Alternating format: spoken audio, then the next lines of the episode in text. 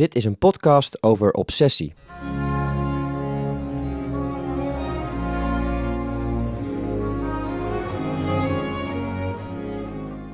Obsessie is het thema van de Culturele Zondag op 3 juni, Utrecht Centraal. In de aanloop daar naartoe duiken we in de hoofden van de makers. Wie zijn ze? En waarom doen ze wat ze doen? In deze aflevering Jos van Veldhoven.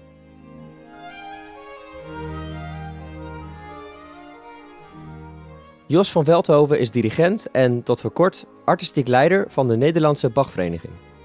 Als er iemand toegewijd is aan muziek, en dan vooral die van Bach, dan is hij het wel. 35 jaar leidde hij de Nederlandse Bachvereniging. En in 2007 werd hij zelfs benoemd tot ridder in de Orde van de Nederlandse Leeuw vanwege zijn verdiensten voor de oude muziek. Waarom is en blijft Bach volgens zoveel mensen de onbetwiste nummer 1? En wat zijn de kenmerken van een echte Bach-freak? In deze podcast hoor je alles over de obsessie voor Bach. Ja, het, leek me eigenlijk wel leuk om uh, te beginnen met een soort uh, kleine uh, Bach-quiz. Oké. Okay. mag dat eigenlijk wel bij Bach of is het daarvoor ja, te serieus? Alles mag met Bach. Alles mag met Bach, oké. Okay. nou, dan begin ik even makkelijk. waar en wanneer is Bach geboren? Bach die werd geboren in, in 1685 in Eisenach, 21 maart. En hoeveel kinderen had Bach? Nou, dat is alweer een moeilijke vraag. Ik denk dat het zo in de buurt van 20 zit. Er zijn er veel van overleden. Hè? Er zijn, uh, daar, uh, zoals iedereen in de Bachstijd was er veel, veel kindersterfte. En niet alleen hele jonge kinderen. Ik denk dat Bach ook kinderen heeft gehad die, uh, die al konden lachen en praten. Misschien zelfs muziek maken. Die heeft hij ook verloren. Dus ja, dat is wel een groot onderwerp geweest. Onmiddellijk na de geboorte, dat was natuurlijk wel anders in de 18e eeuw als nu met minder voorzieningen en, uh, en, en, hogere kindersterfte. Maar als een kind eenmaal groot is, als die loopt, als je ermee kunt praten, dan is het toch volgens mij van alle tijden dat, dat mensen daar uh, verdriet van hebben of een klap van krijgen. En dat moet ook Bach zijn overkomen, dat kan haast niet anders. Ja. Nou, iets anders dan. Ander aantal. Hoeveel cantatas heeft Bach uh, gecomponeerd? Nou, dat is een lastige vraag, want dat weten we eigenlijk niet precies. Ehm, Bach was in, tijdens zijn leven helemaal niet zo heel beroemd. Althans niet voor heel veel mensen. Hij woonde in Leipzig, daar zullen ze hem wel gekend hebben. Maar hij was niet uh, een wereldberoemde componist zoals hij nu is. En zijn kantaten zijn ook nooit gedrukt. Die lagen bij hem thuis in de kast of op een plank of uh, in, in een kamertje. En toen Bach stierf, toen is dat gewoon bij de erfenis verdeeld over zijn zonen. Die zaten ook allemaal wel in de muziek. Oh ja. Maar Um, nou, ik denk wel eens ooit, dat, dat lees je niet zo vaak in boeken, maar ik denk wel eens ooit dat, dus, dat je toch bij die kinderen van Bach wel een beetje herkent dat ze een enorm geniale vader hebben gehad. Dus, dus er is allemaal wat met die kinderen. Sommigen die, die willen niks liever als hun vader nadoen, uh, maar anderen die, die worden ineens katholiek en gaan in Italië wonen. Verder weg kun je niet van je vader komen, zal ik maar zeggen. Dus, maar die hebben allemaal dus ook een deel van die erfenis gekregen. En er zijn erbij die, die dat echt, uh, ja, weet ik het wat, verkocht, uh, kwijtgeraakt. Uh, dus men denkt nu dat we ongeveer twee derde of zo van de kantates, dat zijn er ongeveer 220, dat we die nog hebben. Maar er kunnen er best nog wel 100 meer zijn geweest die we niet meer hebben. Maar dat is al heel veel, toch? 220? Ja, dat is heel, heel erg veel. Heel erg veel. Dus hij schreef er elke week eentje of zo, begreep ik. Een tijd lang heeft Bach elke week een wereldpremière geschreven. Ja, dat klinkt gek, maar als ik nu uh, vanmiddag in de bibliotheek een nieuwe uh, kantate van Bach zou vinden die nog niet bekend is. Stel dat dat hier ergens op een zolder ligt. De kans is nul, maar stel even voor, voor, uh, voor, voor, voor, uh, voor de lol fantaserend. Dan zou ik morgen echt wereldberoemd zijn. Hmm. Dat zou de hele wereld op zijn kop staan. Dat er dus een hele kantate van Bach die nog niet bekend is, is gevonden. Laat staan een, een passie bijvoorbeeld. Hè. Er, is ook een, er zijn één of twee passies kwijt. Als die worden teruggevonden, dat zou echt een, een revolutie in de, in de klassieke muziek zijn. Maar die kans is dus nul? Nou, heel Bijna klein. Heel klein. Misschien, misschien in, in, in Duitsland of in, in de Oost-Europese landen dat daar nog wel iets ligt, maar dat weten we dan niet. Er is wel heel veel gezocht natuurlijk. Zijn er mensen nu nog naar op zoek? Zijn er Bach-hunters? Ja, maar de, ja, maar de bibliotheken zijn allemaal wel op orde voor een groot deel. Dus die kans is niet zo groot. Maar soms wordt er, wordt er bijvoorbeeld een klein stukje gevonden. De, een paar jaar geleden is er nog een, een, klein, een kleine aria gevonden, een soort lied. Heel simpel, niet eens een groot orkest.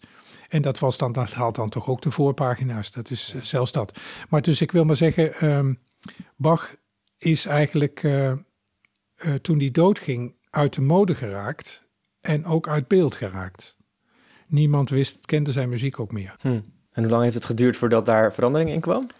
Uh, nou, minstens 100 jaar. Dat is pas in de 19e eeuw dat dat langzaamaan opkwam. Dus dat is een heel gekke paradox. Bach, die in zijn tijd eigenlijk heel lokaal werkte, ook niet reisde, uh, was geen wereldburger. Uh, en die gaat dood en zijn muziek is uit de mode. Het is eigenlijk wat Coco Chanel ook zegt. Hè. Die heeft een uitspraak gedaan over haar vak, hè, de, de mode. En die zegt dan, ja, zegt Coco Chanel, mode is wat morgen uit de mode is. En dat is bij Bach precies zo gebeurd. Dus de dag nadat Bach dood is, heeft men al zijn muziek op de zolder gezet. En is men andere muziek gaan uitvoeren. En um, in het begin van de 19e eeuw wisten ze natuurlijk wel wie Bach was. Met name de mensen die op orgel speelden en die, die piano speelden, klavecimbal, die wisten wel wie Bach was. Maar, uh, maar de muziek, bijvoorbeeld de passies, de Matthäus Passie, was überhaupt niet bekend. Die, die lag ergens in, in een privébibliotheek. En uh, pas toen Bachs werken gedrukt gingen worden, hè, dan praat je al over het midden van de 19e eeuw, zo 1850, dan langzaamaan komt de belangstelling voor Bach komt op, er wordt uitgevoerd.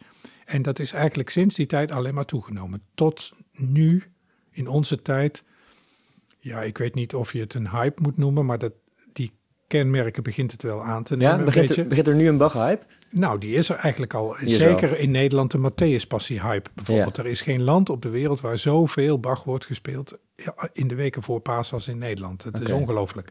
Dat is echt een soort hype.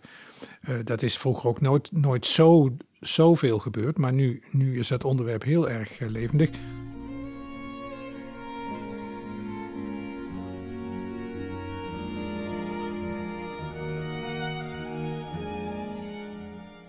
En het is ook heel interessant. Uh, de New York Times heeft een keer een wereldwijd uh, enquête gedaan. En toen vroegen ze dus alle mensen op de wereld. Nou ja, een vertegenwoordiging natuurlijk daarvan. Maar dus echt van IJs, IJsland tot Japan.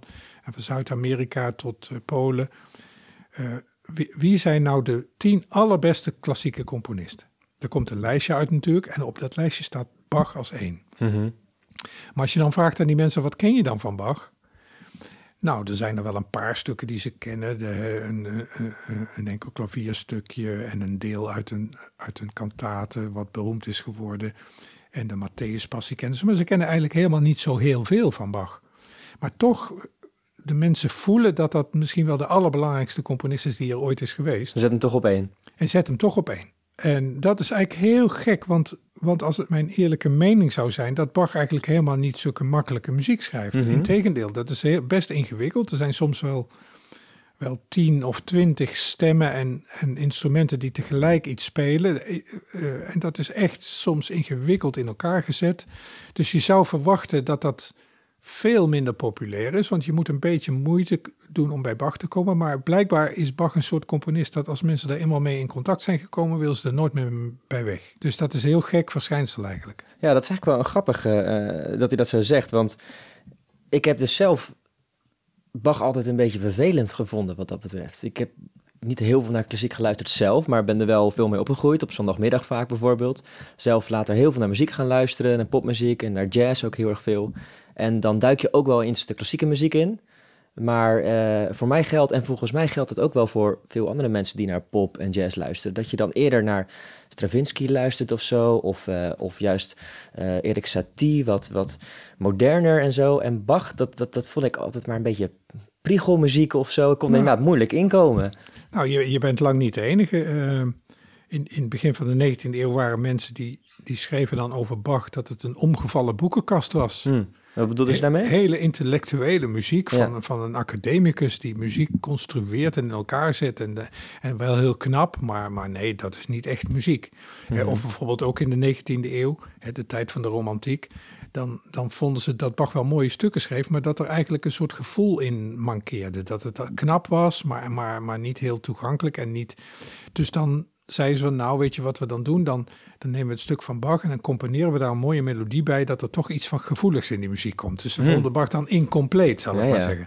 En dat is allemaal natuurlijk in de eeuwen daarna veranderd. En nu, nu tegenwoordig met name de geestelijke muziek van Bach, dus dan moet je denken aan de Matthäus Passie, aan de cantates van Bach, aan het uh, Weihnachtsoratorium, dus dat grote stuk voor kerstmis wat Bach heeft gemaakt. Daarvan de mensen die naar die uitvoeringen gaan, die, die spreken eigenlijk altijd uh, niet alleen over de schoonheid, maar over heel veel grote dingen van het leven. Het gaat vaak bij Bach over de dood, het gaat over uh, verdriet, het hebben van pijn, maar ook uh, over de liefde, over de. En dat is bij Bach natuurlijk gecomponeerd in een context van een kerk. Ja. Uh, dat, dat paste bij de preek en dat was onderdeel van een dienst. Maar heel veel mensen die, die nu naar Bach luisteren, die komen helemaal niet regelmatig in kerken en die kennen de Bijbel niet. En die, die pakken toch die onderwerpen op. Dus blijkbaar is Bach een soort van componist die in staat is in zijn muziek hele belangrijke onderwerpen van het leven te stoppen, die, hmm. die helemaal boven die, die, die geestelijke teksten uitstijgen. Blijkbaar zit dat in die muziek. Ja, verstopt is het niet, want het, het komt wel over. Maar uh, worden mensen op die grote gevoelens aangesproken. En het, het, ik denk dat een van de redenen waarom dat nu zo toeneemt, is omdat natuurlijk onze samenleving op een bepaalde manier wel heel erg verzakelijkt. Hè? Uh, alles moet efficiënt en moet geld opbrengen en, en, en wordt vaak in economische termen uitgedrukt. En dan ineens is daar die componist die, die weliswaar met een moeilijke taal, laat ik dat dan toch maar zo zeggen, hm. maar dus over die grote onderwerpen schrijft. En blijkbaar komt dat dan ook binnen bij die groep mensen die daarnaar luistert. Dat is heel intrigerend eigenlijk. Um, en ik denk, eh, Bach heeft dat zeker niet bedoeld, want hij schreef gewoon voor de kerk hè, voor de volgende zondag om, om in die dienst uh, te kunnen klinken. Ja. Maar het is wel het effect nu. We hebben wel eens uh, in Naarden bij de Matthäus Passie een enquête gehouden onder de bezoekers juist over dit onderwerp. En dan is heel interessant, mensen praten over heel verschillende dingen. Bijvoorbeeld schrijven mensen een brief van acht kantjes over over uh, dat ze ooit een, een, een, een, eh, een dochter zijn verloren en dat ze hmm. troosteloos waren en dat ze niet meer naar concerten gingen en toen besluiten om toch maar een keer naar de Matthäus te gaan en dat hielp hun. Of een andere brief van mensen die bij de verloving een keer samen 30 jaar geleden naar de Matthäus gingen en nu elk jaar opnieuw gingen. En dat, dat is juist een hele positieve brief, want het bevestigt hun, hun band, zo dingen. En, en of mensen die in de Tweede Wereldoorlog uh, ondergedoken naar de distributieradio hebben geluisterd uh, en daar de Matthäus hoorden en dat, dat hielp hun om die tijd door te komen. Dus hele grote verhalen die allemaal niks met die Bijbel te maken hebben, maar die blijkbaar toch door de mensen met, die, met hulp van die muziek die Bach heeft geschreven worden opgepakt. Ja. Klassieke muziek is ooit opgeschreven door de componist. Dus je hebt dan al die, die kostbare vellen waar Bach die noot op heeft geschreven. Dat zou je een soort testament van hem kunnen noemen, maar dat is hm. natuurlijk eigenlijk een, iets doods. Want de componist is er niet meer en dan staan er alleen maar die zwarte vlekken op papier. Ehm, en dat is het dan. Dus dat moet in elke tijd opnieuw tot leven worden gewekt. Dus je, maakt, je, je kunt niet anders dan toch een soort vertaalslag maken. En, en ja, wij doen dat nu in onze tijd met onze esthetiek en met onze associaties en met onze tradities en met onze ervaar, luisterervaring en, en met onze ideeën over uitvoeringspraktijk. Dus dat kan alleen maar een uitvoering van 2018 zijn, hmm. omdat je toch niet meer terug kunt naar Bachs tijd. En, en dan met het effect waar, waar we net over spreken. Dus dat is eigenlijk een heel, heel interessant fenomeen, vind ik. Dat. En voor veel mensen is, is dat wel echt iets waar ze heel ver in, in kunnen gaan of zo. Ik heb het idee dat er geen klassieke componist is die, die mensen zo kan fascineren, een leven lang, uh, die daar misschien zelfs geobsedeerd door kunnen raken dan Bach. Als Bach. Ja, lange zin. Ja. Nou, dat weet ik niet, want er zijn natuurlijk, kijk, bij Mozart heb je wel hetzelfde fenomeen en, en misschien ook wel bij Stravinsky. Sommige, daar heb je ook allemaal fanaten die echt van die muziek houden en die daar helemaal induiken. Mm Dat is wel zo. Maar um, kijk, als je Bach moet beschrijven, dan, dan beschrijf je dus allerlei facetten van zijn muziek. Hè. Het is elk van die facetten, daar, daar zou je zomaar heel diep in kunnen duiken. Hmm. je kunt ook Bach analyseren en dan kom, dan kom je ook helemaal uh, sprakeloos uh, thuis. Hè. Er zijn boeken geschreven over de getallen in Bachs muziek bijvoorbeeld. Ja, iets met 14 en 41 begreep ik. Ja, is dat, is dat echt 14 een ding, is dan de naam Bach. BACH, als je die letters uh, door een getal vervangt en optelt, kom je bij het getal 14. Maar dat, dat gaat tot soms in de duizenden en, en dan worden maten en noten geteld en dan komen er allemaal wonderbaarlijke verhoudingen uit voor wat het is hoor. Ik weet het, ik weet het niet, maar er zijn dus mensen die die die aanvliegroute hebben en dan ook grenzeloze bewondering voor Bach hebben. Dus, ehm, dus het, bijna iedereen zegt over Bach dat Bach het soort componist is die je eigenlijk altijd een, een, een, een, een lengte voor blijft. Je kunt studeren wat je wilt, maar je komt er nooit. Dus dat, dat maakt ook dat die honger nooit. Je, ja, blijft altijd hongerig naar, naar iets nieuws, naar het volgende, naar, het, naar, uh, naar een nieuwe ontdekking in zijn muziek. En dat kan ook, omdat die er ook in zitten. Die, uh, je kunt je hele leven lang Bach studeren en dan toch het gevoel hebt dat je hem nauwelijks kent. Maar komt dat misschien ook omdat hij, hij zelf dan misschien heel obsessief was? Of als ze dat nee, met dat nummers ik en niet, zo deden? Dat geloof ik niet. Maar Bach is, is, niet, is niet uitleggerig. Hij vertelt nooit wat je moet doen. Hij schrijft die noten wel op. Maar hoe je dat dan moet doen, dat moet je dan zelf maar uitzoeken. Ja. Um, en ik, ik weet niet, ik denk dat Bach... Uh, dat Bach... Uh, ja, wat in me opkomt is dat hij een soort ambachtsman was. Dat klinkt Hm. heel gek, maar je kunt... Componisten waren in de 18e eeuw natuurlijk mensen die ongelooflijk goed hun, Bach, hun vak verstonden. Zoals je hout, een prachtige houtsnijder kunt zijn of prachtige meubels kunt maken. Zo kon Bach fantastische composities maken. Heel compleet. Um, dus dat is in hoge mate een ambacht wat je ook moet leren, wat Bach ook heeft moeten leren. Dus dat is toch anders als, uh, als dat idee dat een componist dan op een zolder eenzaam bij een kaarsje uh, midden in de nacht een symfonie gaat schrijven. Ja. Dat is echt in de romantiek is dat het beeld van een componist helemaal, helemaal veranderd. Dat was pas later. Dat Ja, beeld in ieder geval. Nou, Bach heeft zeker bij kaarsjes moeten schrijven, maar ik bedoel, dat, dus uh, zelfs niet-muzici, die konden eigenlijk nog hele goede composities schrijven. Er zijn, er zijn uh, diplomaten en, en, en politici uh, die eigenlijk hele... Onze Nederlandse Constantijn Huygens, die, dat was een, een, beroemde diplomaat, maar die heeft ook fantastische muziekstukken gemaakt, omdat je leerde componeren tijdens je opleiding. Dus dat was, dat Hmm. was ook bijna een, een soort vaardigheid die je leerde. En dat heeft voor Bach zeker ook gegolden. Maar dan met een ongelooflijk rijke geest, met een... Met een met een enorme creativiteit en met een enorme vindingrijkheid. En uh, ja, Bach heeft heel veel dingen nieuw gemaakt en voor het eerst gedaan. En toch ook op een bepaalde manier was Bach heel traditioneel. Greep hij terug op, op zijn verleden, dus de muziek van de 17e eeuw en van de 16e eeuw. Dus Bach is, is, is wel een heel bijzondere componist in heel veel opzichten. Wat is nou iets wat, wat een, een, een, een typisch iets wat een obsessieve Bach-fan doet? Ja, dat weet ik niet. Dat hangt ervan af. Maar dan, uh, weet je, dan komt er weer een nieuw boek van Bach uit. Uh, er zijn de laatste jaren nieuwe biografieën verschenen over Bach.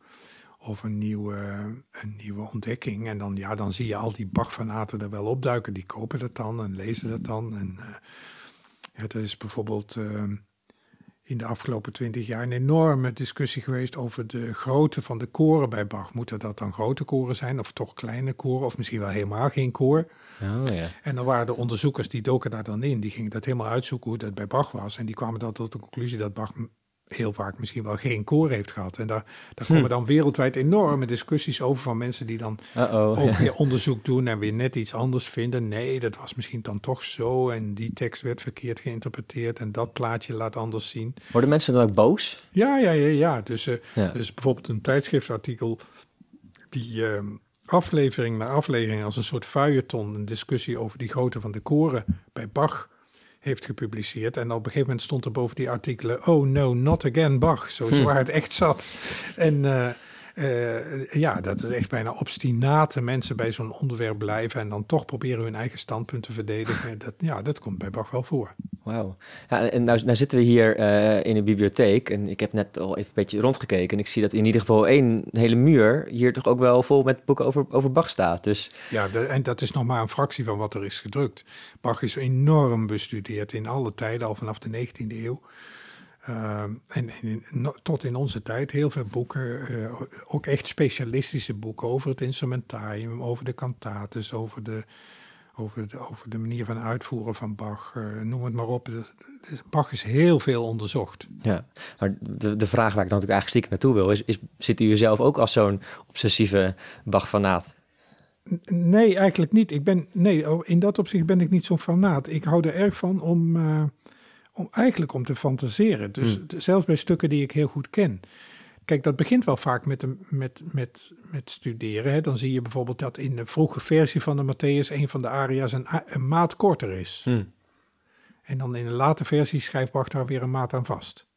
En die maat, die heeft een bepaald soort noten. Dat kabbelt een beetje uit. En dan denk je, waarom, waarom zet Bach daar nou een maat bij? Of haalt hij daar een maat af?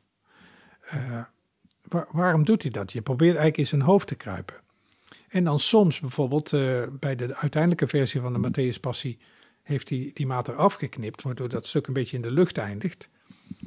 Nou ja, en dan fantaseer ik, dan denk ik, ja, waarom knip je nou zo'n maat eraf? Ja, misschien omdat je het dramatisch wil laten eindigen. Dus dat, dat heeft dan uiteindelijk ook wel gevolgen voor de manier waarop je het uitvoert.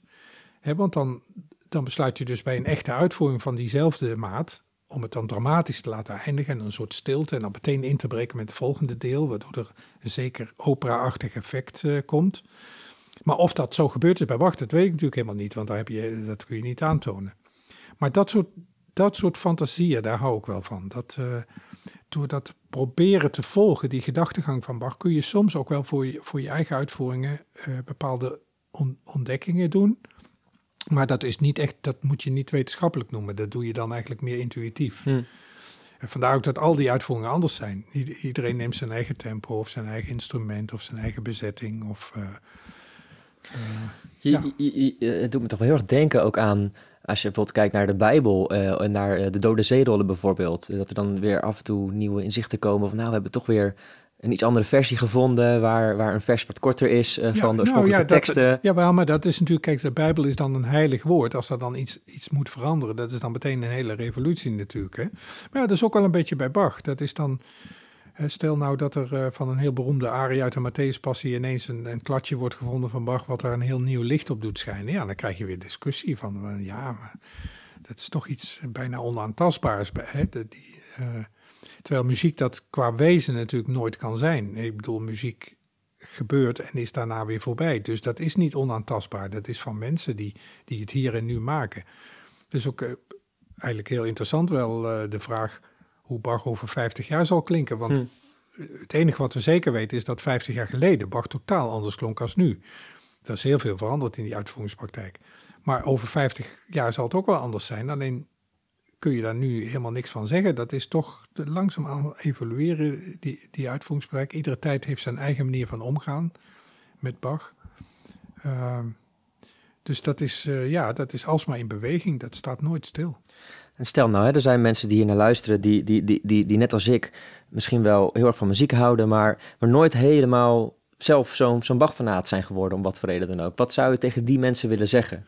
Nou, eh, eh, stel iemand is geen Bach, houdt niet van Bach. Houdt van Mozart of houdt van Stravinsky of uh, van Mahler of, uh, maar ja, niet, of, of van jazz, helemaal niet van klassiek misschien zelfs. Niet, geen, klassieke muziek is natuurlijk maar een niche eigenlijk in de muziekwereld. Of houdt u helemaal niet van klassieke muziek. En dan, ik denk, je weet het soms niet hoe iemand letterlijk dichter bij Bach komt en daar zelfs van gaat houden. Dat kan ook gewoon zijn ja, bij wijze van spreken een Bach-bewerking die André Rieu maakte op een plein. Dat mensen daar ineens Bach horen in een hele, helemaal andere versie als wat een barokorkest doet. En dan toch, dat het toch ergens blijft hangen en dat ze dan de volgende keer eens zelf actief iets opzoeken of ze luisteren iets op internet of, uh, of, of, of, ze horen ergens anders nog een keer Bach en dan worden geïntrigeerd. Ik heb wel heel veel meegemaakt in mijn eigen leven bij mijn eigen kinderen, uh, die, die niet speciaal op. Ja, zij hebben natuurlijk veel klassieke muziek hier meegemaakt. Maar dat zijn jongens die heel ander repertoire luisteren als ik, als, als ik zelf. Maar wel heel vaak meegemaakt dat als je even tijd neemt om mensen bij de hand te nemen en in die lastige wereld van Bach te, te praten bijna, uh, dat er dan wel heel veel verandert. Uh, ja, ik, ik denk altijd, hm. heel veel muziek van Bach heeft een soort drempeltje. Hè, de stijl, de moeilijke constructies die Bach maakt, de taal natuurlijk. Veel mensen spreken geen Duits meer. Uh, de, de, de wereld van de theologie in de 18e eeuw, wat heel veel mensen niks meer zegt. Dus er is eigenlijk wel een drempeltje voor Bachs muziek. En dan, als je op een of andere manier dat drempeltje over bent, dan, ja, dan gaan de vetpotten open, zou je bijna kunnen zeggen. Dat heb ik wel heel veel meegemaakt. En hoe kom je dat drempeltje dan over? Nou, dat kan ik, ik praat bijvoorbeeld best graag op concerten. Dan, dan spelen we eerst een stuk van Bach en dan praat ik vijf minuten met het publiek. En dan spelen we ook voorbeelden eruit. En dan leg ik uit, ja, maar kijk, als je nou in die kerk bij Bach hebt gezeten, dan heeft dat zus en zo gewerkt. En dadelijk in muziek zul je dit zo en zo wel horen. En dan achteraf hoor je van mensen, oh, ik heb iets gehoord wat, ik helemaal, wat me nooit is opgevallen. En dan zijn ze alweer een stapje verder. Dat gebeurt wel heel veel bij Bach. Maar dan moet je zo wel eerst naar zijn uitvoering toe. Als ik het nou op Spotify opzet, bij wijze van spreken, dan, ja, dan, dan mis is de kans allemaal. veel minder groot natuurlijk. En, en ik denk als je een moeilijk stuk op Spotify opzet, wat heel dicht gecomponeerd is en waar je dus ineens al, al die dingen tegelijk eh, binnenkrijgt, ja, dan, dat, dat zal mensen misschien niet dichter bij Bach brengen. Maar kamermuziek bijvoorbeeld, de, de stukken voor solo-instrument van Bach. Hè, er zijn heel beroemde stukken van Bach voor één cello, voor één viool, voor één fluit. Dan heb je maar één speler, een cellist, en die speelt dan Bach. Hm. Eh, als mensen dat willen zien, eh, we hebben met de Bachvereniging zo'n website gemaakt, All of Bach. En daar kun je dat allemaal in beeld en geluid zien. Dus niet alleen het geluid, maar ook het beeld. En we laten dan ook altijd de mensen die spelen op All of Bach, die laten we vertellen over wat ze doen. Dus de cellist die Bach speelt, die gaat ook over zijn stuk en over hemzelf en, en hoe hij dat doet vertellen.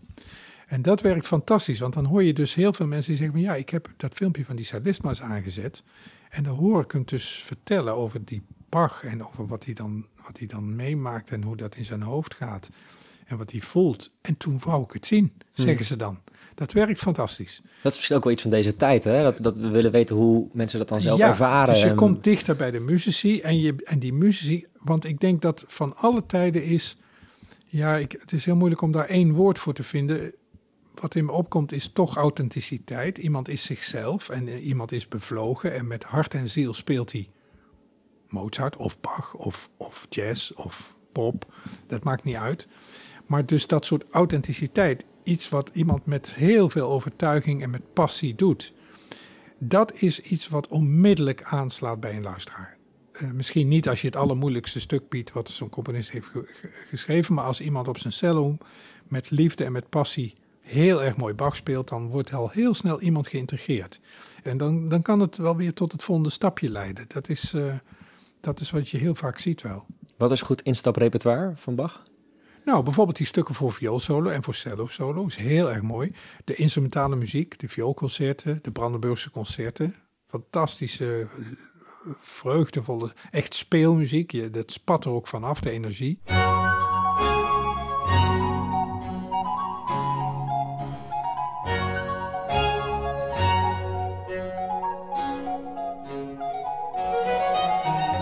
Ik denk, kijk, een Matthäus Passie is natuurlijk eigenlijk geen instapmuziek. Hm. Dat is een stuk van 2,5 uur. Ja. Eh, natuurlijk het verhaal, als je dat kent en je, en je wilt het meemaken, maar dan nog wordt het verteld op de 18e eeuwse manier. In het Duits. Eh, en dat is, ja. eh, maar toch, ik heb, heb bijvoorbeeld nu voor Pasen was, werd ons, de Matthäus Passie van de Bachvereniging live uitgezonden op NPO 2. Eh, en eerlijk gezegd, achteraf wisten ze in Hilversum niet goed wat ze meemaakten. Daar hebben 300.000 mensen naar gekeken, wat Hm. voor klassieke muziek heel erg veel is. En wat vooral opvallend is, is dat heel veel mensen zijn, die zijn aangehaakt, zal ik maar zeggen, en zijn blijven kijken. En dat vonden ze met name heel, heel eh, verrassend. Want je zou verwachten dat iemand even 10 minuten kijkt en dan weer wat anders gaat doen. Maar, maar dat is blijkbaar niet zo. En ze zijn blijven kijken. En dat is natuurlijk. eh, ik denk dat het komt omdat je natuurlijk in de eerste plaats door Bach, wat hij heeft gemaakt, dat is het beste van het beste in de klassieke muziek bijna. Maar ook eh, eh, in de Bachvereniging, hè, dus in mijn ensemble, al die mensen zijn ook daar terechtgekomen van, omdat ze echt met, met uiterste passie en authentiek en met bevlogenheid Bach uitvoeren. En dat spat er vanaf. Hmm. Dat zie je ook op televisie. En dat maakt het ook dan voorstelbaar dat mensen dan op een of andere manier daardoor gebiologeerd zijn en blijven hangen. Die eh, Bachvereniging, daar natuurlijk over gesproken.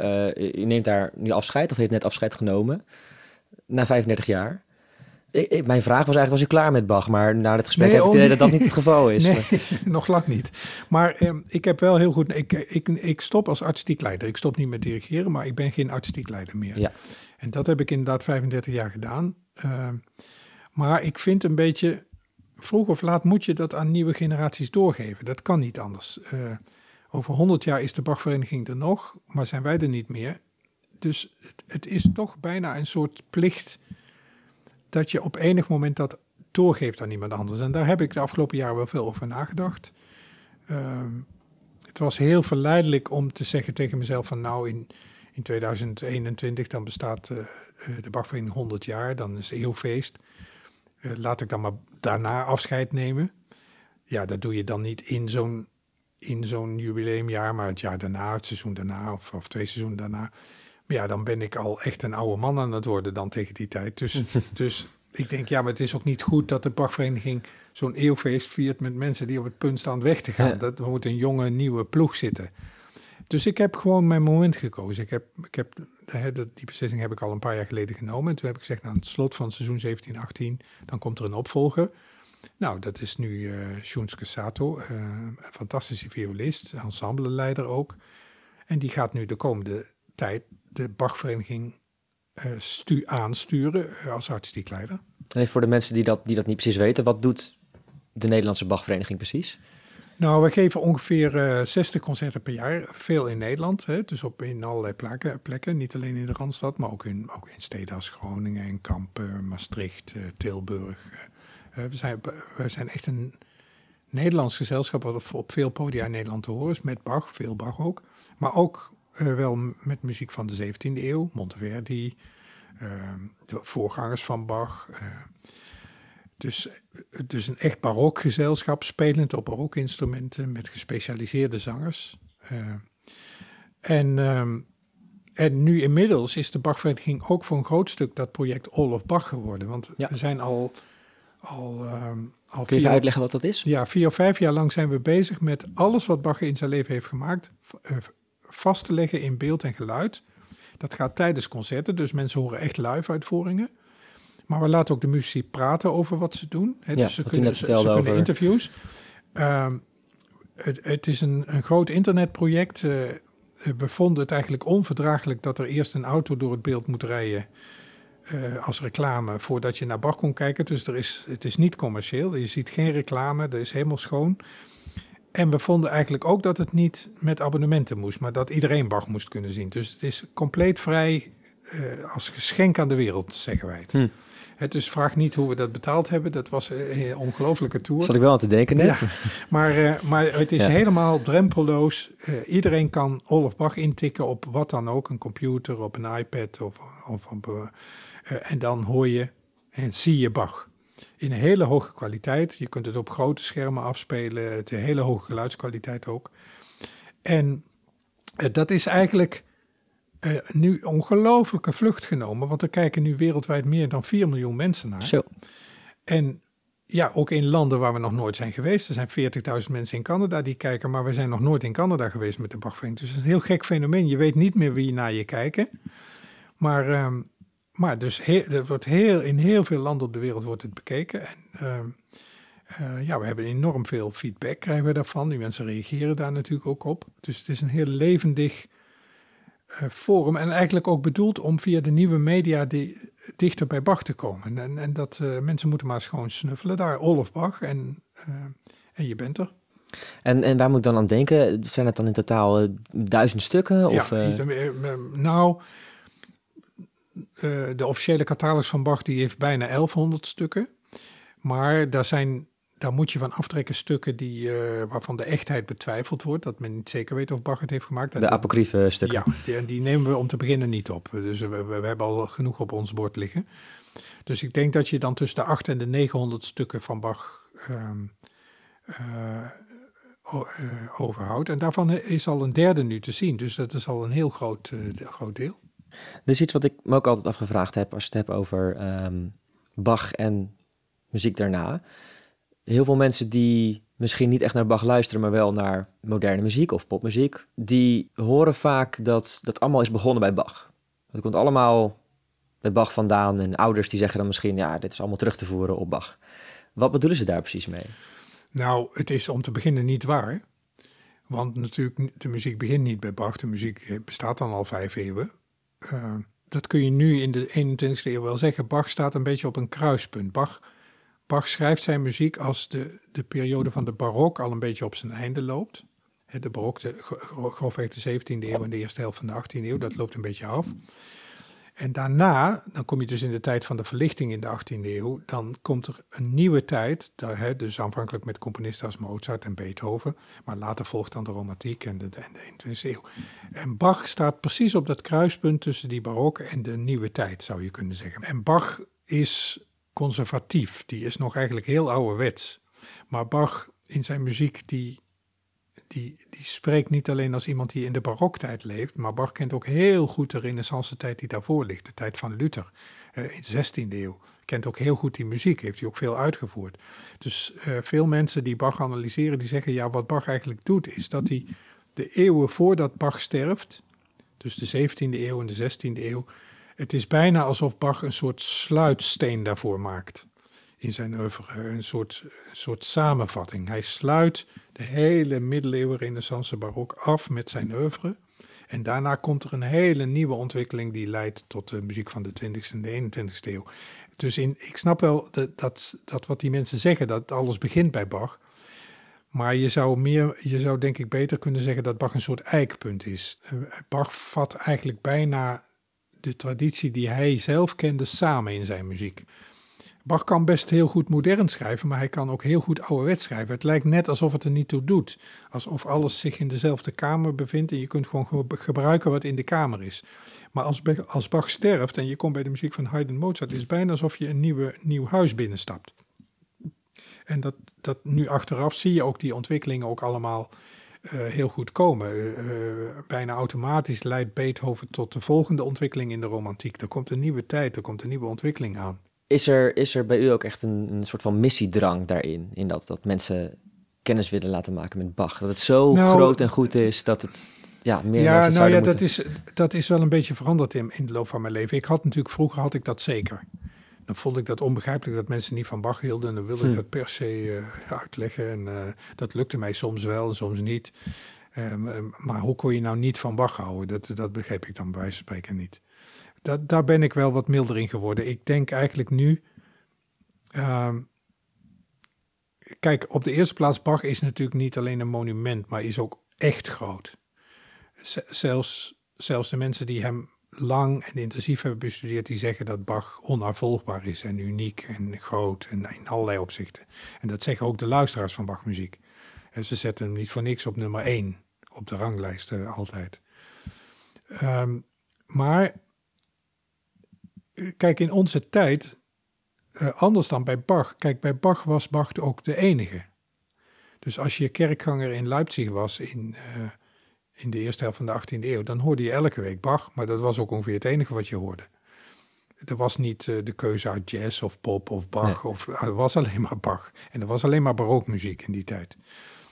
Dat is natuurlijk veranderd, want nu hebben we heel veel muziek om ons heen, heel veel verschillende stijlen. Dus er is, het is nauwelijks meer aanwijsbaar wat is de muziek van onze tijd? Dat kun je bijna niet meer benoemen. Dat, dat hangt er af wie je spreekt. En uh, mijn antwoord zal zijn Bach, maar jouw antwoord is waarschijnlijk heel anders. Dus dat, uh, dat kun je niet meer benoemen.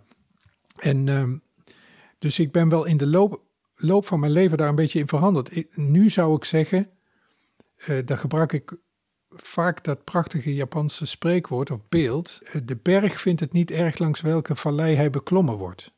Ja, er zijn ook jazzmensen die improviseren uh, op Bach en die, hebben, die kunnen daar ongelooflijk gelukkig van worden. Wordt u daar gelukkig van? Nee, maar ik, zit, ik woon ook in een andere vallei. En je neemt een route die je zelf vertrouwt. Dus mijn route, die, die neem ik in mijn vallei. En ik probeer die berg te beklimmen. Maar iemand die modern piano speelt en die in een andere vallei geboren is en opgegroeid. En die probeert ook echt met dezelfde uh, integriteit en met dezelfde uh, obstinate drang om er te komen bij die top, probeert hij die top te beklingen. Maar op een heel andere manier als ik het zou doen. Dus dat, dat, ik vind niet dat je dat kunt verfoeien. De, iedereen, doet dat met de, met de beste intenties en met de, maar op heel verschillende manieren. En dat is natuurlijk daar opnieuw een, een argument voor Bachs unieke positie. Dat je dat op zoveel verschillende manieren kunt doen. Dat ook een brassband heel gelukkig kan worden van, van, eh, van spelen van Bach. Of uh, we waren op een festival in San Diego in Amerika en de directeur van het festival zei: Ja, jammer dat u weg moet. Want morgen is eigenlijk het mooiste concert. Dan hebben we een hele avond Bach-concert op Steelband. Dat vonden ze helemaal het einde daar. Dus uh, nou ja... Nu, u dacht ik ben blij dat ik weg ben? Of nee, uh, dat nou, mee? nee, nou ja, ik was eigenlijk ook wel Eerlijk zeggen. nieuwsgierig hoe dat zou zijn. Maar ik bedoel, het is niet... meer- Ik zou Bach nooit op steel, op, op, op, met een steelband uitvoeren. Maar goed, eh, ja, nou ja. Dus eh, ik wil maar zeggen, dat, dat, ja, dat, je kunt daar niet meer een eenduidig antwoord op geven. Dat Ja. gaat gewoon niet meer. Luistert u eigenlijk wel naar moderne muziek of Ja, popmuziek? ja, ja, ja, nou popmuziek niet. Dat is niet mijn ding. Jazz vind ik soms heel erg mooi om te luisteren. Dan ook niet, niet de allernieuwste jazz vaak. Ik heb een, een neef die, ehm Rembrandt Frederiks, die heel actief is op jazzpodia ook. Maar die gek genoeg ook, misschien eh, door zijn vrouw Klaartje van Veldhoven of door mij, die dan experimenteert met oude muziekinstrumenten uit de 18e eeuw, waar die die kleuren weer hoort terugkomen. Ja, precies, in de jazz. Dus dat is wel grappig. Dan krijg je toch fusion tussen verschillende, verschillende invloeden. Ehm, en die, hij improviseert ook heel graag op Bach bijvoorbeeld. Dus, dus, ehm, dus dat, dat maak ik wel mee. En dat is soms heel mooi. Eh, en er zijn ook veel, veel, ehm, veel componisten uit de 29e eeuw die ik zeer bewonder en graag naar luister. Nee, ik ben, ik ben niet echt eh, een- heel monomaan wat muziek betreft. Veel muziek uit de 17e eeuw is fantastisch. 16e eeuw hou ik erg van. Nee, maar Bach is, eh, heeft wel een unieke positie. eh. De laatste vraag van de quiz eh, dan maar. Oh ja. Die is misschien wat moeilijker. Wie is John Taylor in het leven van Bach geweest? Nou, dat is. kijk, Bach zou ongetwijfeld dood zijn gegaan. Maar John Taylor heeft hem waarschijnlijk daarbij geholpen. Leg uit. Nou, het was een Engelse oogarts die rondreisde door eh, Europa en die eh, in een koetsje zat met, met vreselijke medicijnen en een aantal messen en vergrootglaasjes. En die, die beweerde allemaal mensen van oogziektes te kunnen genezen. Daar opereerde hij soms voor. Hij gaf de meest afgrijzelijke medicijnen, als ik eh, de, de mensen van nu moet geloven die dat onderzocht hebben. En hij heeft dus ook Bach behandeld, die last had van zijn ogen. En waarschijnlijk heeft hij het alleen maar erger gemaakt, maar alleen hij behandelde dan en vertrok de volgende dag met zijn koetsje. Dus je kon niet, eh, je kon niet verhaal halen bij die man. Dan was hij alweer in een andere stad eh, bezig. Maar sommige mensen denken dat Bach daar ja, misschien zelfs wel aan is gestorven aan die behandeling. Aan de complicaties van die behandela- behandeling door ja, de, de ja. kwakzalver. Ik, had, eh, ik moest naar de oogarts toe, hier in het uh. En eh, na afloop van het consult zei die man, ja, ik ken, ik ken u wel, want u voert veel Bach uit. En hij bleek gepromoveerd te zijn op de oog, oogziekte van Bach. Dus Oh, echt? we hadden een gemeenschappelijk onderwerp. En daar, ik, ik vond het zo bizar om dat te lezen, dat verhaal. En ik begreep dat hij hetzelfde trucje bij Hendel heeft Ja, ja hij uitgehaald. reisde rond. Eh, hij was beroemd. eh, maar ik, ik durf niks te zeggen over het percentage mensen die daar een beetje heel huids onder die behandeling vandaan kwamen. Dat, Meerdere grote componisten ja, eh, ja, ja. mishandeld. spoor van vernieling heeft hij waarschijnlijk achter zich gelaten. Heeft hij eigenlijk nog zo'n eh, zo'n Bach-feitje wat misschien niet iedereen kent? Nou ja, Bach, is, Bach praat niet zo graag of zoveel over zichzelf. Hè. Hij schrijft geen dagboek. eh, geen, hij heeft wel brieven gemaakt. Ik herinner me één brief, dat hij, dan krijgt hij van zijn neef krijgt hij een vaatje wijn. Maar dan bedankt hij die neef en dan, dan voel je toch aarzeling. Wat blijkt nou, die, die wijn die moet opgestuurd worden en die passeert allemaal grensposten. En bij elke grenspost wordt er belasting gegeven op die wijn. En, en soms zelfs geproefd, hè, want dan eh, moeten ze keuren. Dus dat vaatje is om te beginnen half leeg. En Bach krijgt bovendien een hele rekening erbij om, van al die, al die belasting aan die grensposten. En dat wordt hem dan toch te dol. Dus dan, zegt hij, dan probeert hij dus heel beleefd aan die neef uit te leggen dat hij ontzettend blij is met het vaatje en dat hem bedankt. En zo'n mooi gebaar. Maar eigenlijk schrijft hij dan daarna, stuur maar niet nog zo'n vaatje, want het, is, het kost mij te veel geld. Dus dat, dat vind, je, vind ik wel even, even, kun je even in de, in, in de, in de, zie je een andere Bach als Ja. een hele serieuze Bach. Ja. En ik vind het ook wel mooi dat, eh, dat als je het eerste deel van de Matthäus in het handschrift van Bach, als je het omslaat, dan begint daarna het tweede deel met een titelpagina. En dan is er dus één lege achterkant eh, in, midden in de Matthäus en daar staat een afdruk op van, ja, ik denk een bierpul of een glas wijn. Uh, daar is een vlek in die partituur. Dus dat is altijd zo mooi. Dan sla je bij uitvoering die pagina om en dan zie je die wijnvlek. En dan denk je, ja, Bach heeft waarschijnlijk laat nog zitten werken en daar een glaasje op gezet. En die vlek zie je nog daar zitten. Dat, dat, dat, dan, dat vind ik ook wel leuk. Dan kom je even heel dicht bij Bach. Uh, maar het heeft niks met muziek te maken, zal ik maar zeggen. En dat doet dan toch wel iets met die Ja, als ja, ja, dat is mooi. Bach-liefhebber. mooi. De laatste vraag dan, misschien wel de ultieme clichévraag, maar eh, is er een stuk van Bach waarvan u zegt, ja, dat ligt mij toch wel het dichtst bij mijn hart? Ja, dat is inderdaad heel moeilijk te beantwoorden. Ehm, kijk, ik meen wel als ik zeg dat het vaak het stuk is wat je net hebt uitgevoerd. Omdat daar ben je natuurlijk dan mee bezig. Eh, dus ne- net, we zijn net klaar met de Matthäus Passie. Dat, dat was een hele lange tournee en intensief zijn we. Dus dan, ja, dan zou ik onmiddellijk hebben geantwoord de Matthäus Passie. Maar kijk, da- daarvoor deden we onbekende kantates en dan zijn we eigenlijk zelf allemaal stil van de ongelooflijke kwaliteit en schoonheid van die stukken. Dus dat is dan de allermooiste muziek, bij wijze van spreken. Er zitten momenten in waar je denkt, ja, dat is onovertroffen. Maar als ik nou een beetje afstand neem, dan vind ik... Bach heeft aan het eind van zijn leven een grote mis samengesteld. Hè. De, in Nederland wordt hij ook wel Hohe Messe genoemd, de mis in B klein. En dat vind ik wel een heel bijzonder stuk, want het is dat heeft Bach zelf nooit kunnen uitvoeren. Dat was veel te lang voor die diensten van hem. Bovendien snapt niemand waarom Bach nou zo nodig een hele mis schrijft. Dat is meer iets katholieks, wat Bach helemaal niet kon gebruiken in Leipzig. Dus het is, het is ook een beetje raadselachtig waarom hij dat doet. Maar hij is compleet, hele, de hele mis is daar. En ik denk dat Bach dat toch een beetje heeft gemaakt als een soort muzikaal testament. Heeft gewoon alles bij elkaar gezet. Er zit ook heel veel muziek in die al bestond en die hij dan heeft omgewerkt voor die mis. Dus alles samen is dat bijna alsof Bach aan het eind van zijn leven zegt van ja, maar dit ben ik Bach. Dit kan ik, dit laat ik jullie na. En dat vind ik wel een heel mooi gebaar van Bach.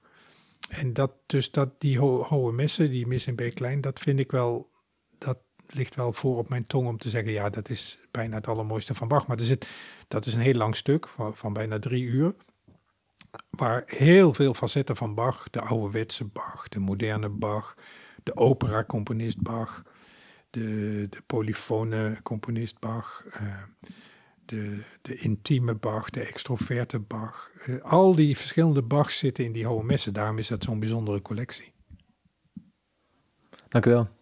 Met plezier. Santo Tijdens Utrecht Centraal op zondag 3 juni is in het Louis Hartloper complex de film Obsessie voor Bach te zien. Met daarin concertregistraties en mini-documentaires van het All of Bach project.